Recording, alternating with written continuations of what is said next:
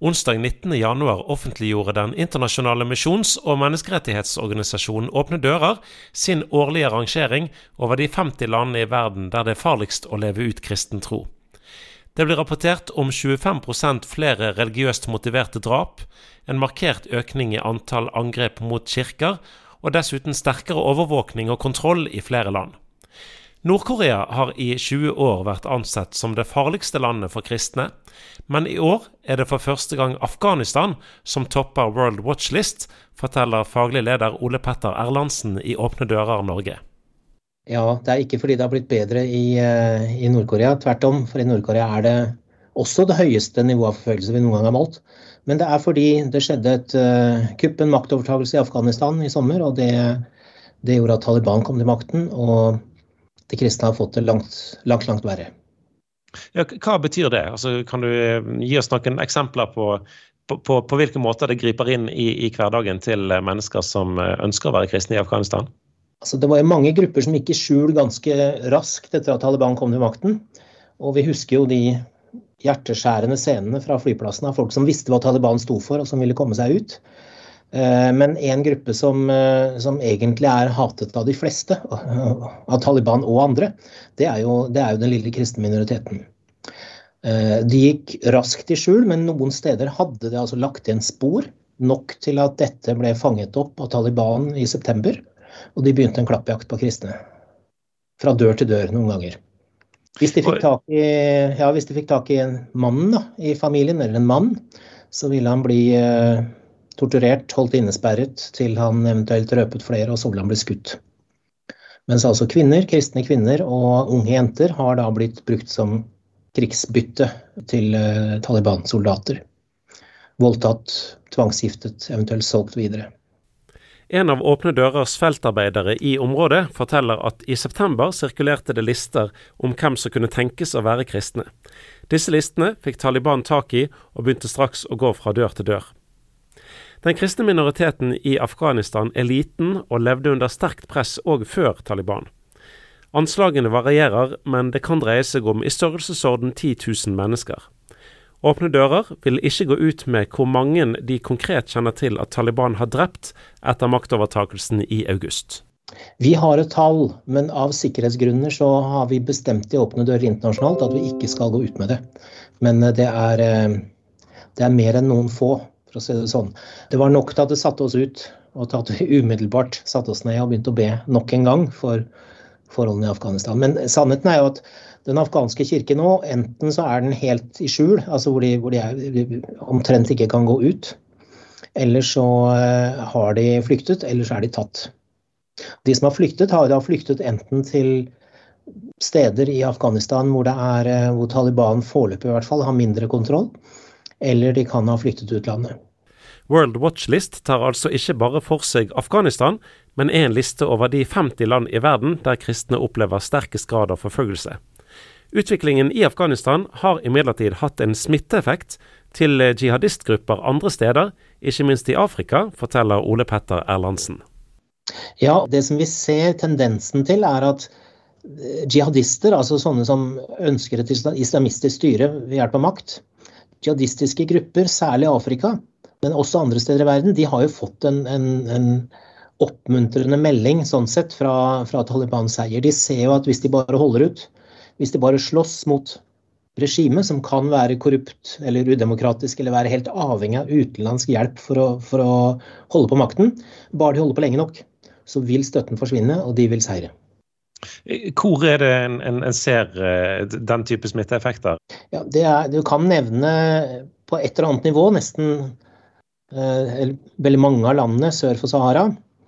Eh, men sånn som Somalia, da, de, har, de har jo styrker stående fra, fra Den afrikanske union som hjelper et regime som egentlig har mista mye av makten i landet. Og Al Shabaab regjerer i deler av landet og håper sikkert på en tilsvarende utvikling der. Eh, men du kan nevne også i tradisjonelle kristne områder er det de som kjemper for et kalifat eller kjemper for et islamistisk styre, sånn som i Kongo f.eks. Det er òg i Afrika at flest mennesker mister livet pga. sin tro. Totalt 5898, ble registrert drept for sin tro i fjor, mot 4761 året før. Det er en økning på nesten 25 det er jo særlig Nigeria som peker seg negativt ut. Der er det 4650, så altså de står jo faktisk for brorparten av de registrerte drapene på kristne i verden. Det må sies at det er noen land som, som ikke er med i statistikken. Det ville vært høyere hvis vi hadde tatt med tall fra Afghanistan eller Nord-Korea. Litt unna dårlig, dårlig statistikkgrunnlag og sånn, så er ikke de med. Men i hvert fall det er en stor andel som, som, av drapene som skjer i Nigeria. Og det er jo nettopp uh, enten Fulani-nomader, eller du har eh, Boko Haram, som vi kjenner til, eller ISWAP, som er IS-tilknyttede IS eh, delen der. Som eh, brenner landsbyer, brenner kirker, dreper kristne, tar til fange, ødelegger liv, ødelegger eiendom. Og det, det har fått et ganske stort omfang i Nigeria, og myndighetene bryr seg egentlig lite, og gjør lite for å, for å løse opp i situasjonen. Men forfølgelse av kristne handler slett ikke bare om jihadisme. Kina er et land som siden 2018 har beveget seg oppover fra en 43. til en 18. plass på listen over land hvor kristne er under press. Men forfølgelsen der ser litt annerledes ut, sier Ole Petter Erlandsen. Ja, Kina utmerker seg jo en helt annen, en helt annen type forfølgelse. De er, jo, de er jo egentlig redd for all religion i Kina og, og prøver å begrense alt, men de kristne er det ganske mange av. Og det Kina har prøvd å bli gode på etter hvert, det har jo vært å, å systematisere overvåkningen og systematisere kontrollen. Både ved hjelp av eh, lov og pålegg og litt gammeldagse metoder, men også moderne overvåkning. Altså teknologi, rett og slett. Der er jo Kina førende, og de selger en del sånn overvåkningsteknologi til andre land.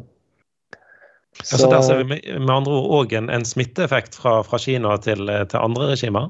Ja, altså definitivt. Det finnes land som, som aldri ville kopiere Kinas kommunistiske ideologi, men som, som, som, ser at oi, det er faktisk mulig å kontrollere et land. Det er mulig å få et land til å gå i takt ved, ved hjelp av strenge metoder.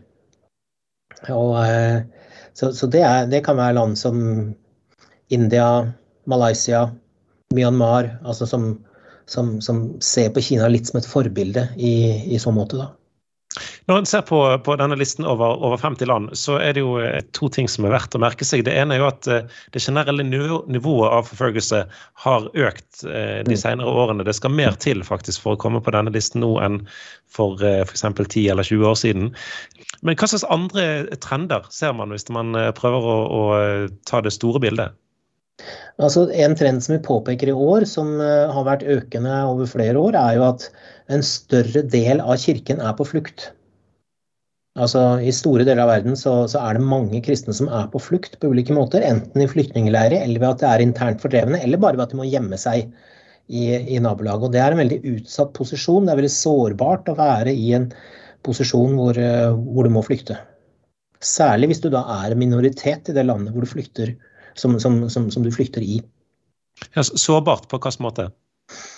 Det er sårbart på den måten at det er ikke sikkert at overgrepene stanser fordi om du flykter.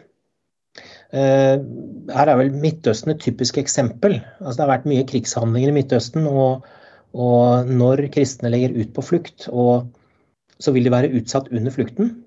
Men de vil også være un, altså, utsatt når de kommer til bestemmelsesstedet, som kan være en flyktningleir. Kristne kvinner unge jenter forteller at de blir utsatt for uh, seksuelle krenkelser og, og, seksuelle overgrep. Både på vei til leirene og i leirene. Og, og dette er tilfellet også i vestlig drevne flyktningleirer i, i, Midtøsten. Og Det kan gå på hva slags personell man ansetter, at man ikke følger opp godt nok, men altså at diskrimineringen og forfølgelsen fortsetter i leirene.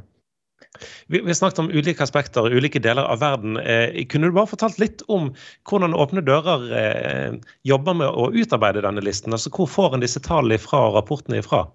Altså Den endelige rapporten som er brutt ned på hvert enkelt land, det er, eh, det er vel rundt 2500 sider med dokumentasjon. Men under der igjen så ligger det altså en, en, en drøss av skjemaer. Og eh, jeg har fortalt på denne kanalen før hvordan jeg traff en av de i Nigeria som, som reiser rundt og, og og samler inn data. Og han oppsøker faktisk den landsbyen som har blitt angrepet. og finner ut hvor mange er det som har blitt drept, hvor mange er på flukt. Hva slags hjelp trengs her, ikke minst. Og, og uh, hvordan kan disse hjelpes på, på, kort og lang sikt. Men en del av jobben er faktisk ren statistikk, altså, som så legges inn i en base. Men, men det betyr at det er i, i hovedtrekk altså at en, en søker å få førstehåndskjennskap? Ja, men delvis må man bruke sekundærdata også, og særlig nå under covid. Så noen ganger så er det altså symbolske tall, andre ganger så er det estimater konservative estimater. Og når en statistikk blir skremmende bare på basis av ufullstendige tall og, og overslag, konservative overslag, så er det grunn til å stoppe opp. Det er en alvorlig situasjon at det er veldig få som legger merke til den minoriteten, altså den kristne kirke rundt om. At det, er, det framstår relativt systematisk at de er ofre i veldig, veldig mange sammenhenger. Både omfanget og graden av trosforfølgelse i verden har altså økt det siste tiåret generelt, og det siste året spesielt. Likevel finnes det enkelte lyspunkter. Vi har prøvd å finne fram noen lyspunkter, og prøver å ha det hvert år. De er ikke nødvendigvis så store. Vi har trukket fram to i året for, på denne statistikken. og Det ene er pavens besøk i Irak. Som om man er katolikk eller ikke, så, så satte han mot i folk som altså er fordrevet fra de niveslettene og mot, uh, mot, de kurdiske områdene. Satt imot i dem og har gitt dem en slags optimisme til at de kan ha en framtid i Irak. Så er det også en høyesterettsdom fra Iran som, er, uh, som jeg syns er ganske spennende, fordi den, uh, den, den, kom ganske rett før statistikkperioden var slutt. Og der bestemte Høyesterett, eller Høyesterett behandlet noen saker mot kristne. Og de uttalte at det er feil anvendelse av loven når man dømmer kristne grupper for å ha truet den nasjonale sikkerheten. Og så sier de altså at å forkynne den kristne troen kan ikke kalles en sammensvergelse som truer rikets sikkerhet, verken i eller utenfor landet. Og Det betyr sannsynligvis at de i framtidige saker mot de kristne må finne andre paragrafer å henge, henge dommen på. Men det er, det er spennende at man i et såpass strengt og totalitært land som Iran likevel har en domstol som altså kan tydeligvis fatte en litt uavhengig beslutning på det. Da. Så, så vi håper at det får følge for hvordan, hvordan konvertittsaker behandles i, i iranske rettssystemer. For det er mange konvertitter, det er mange som har tatt imot Jesus i, i det iranske samfunnet.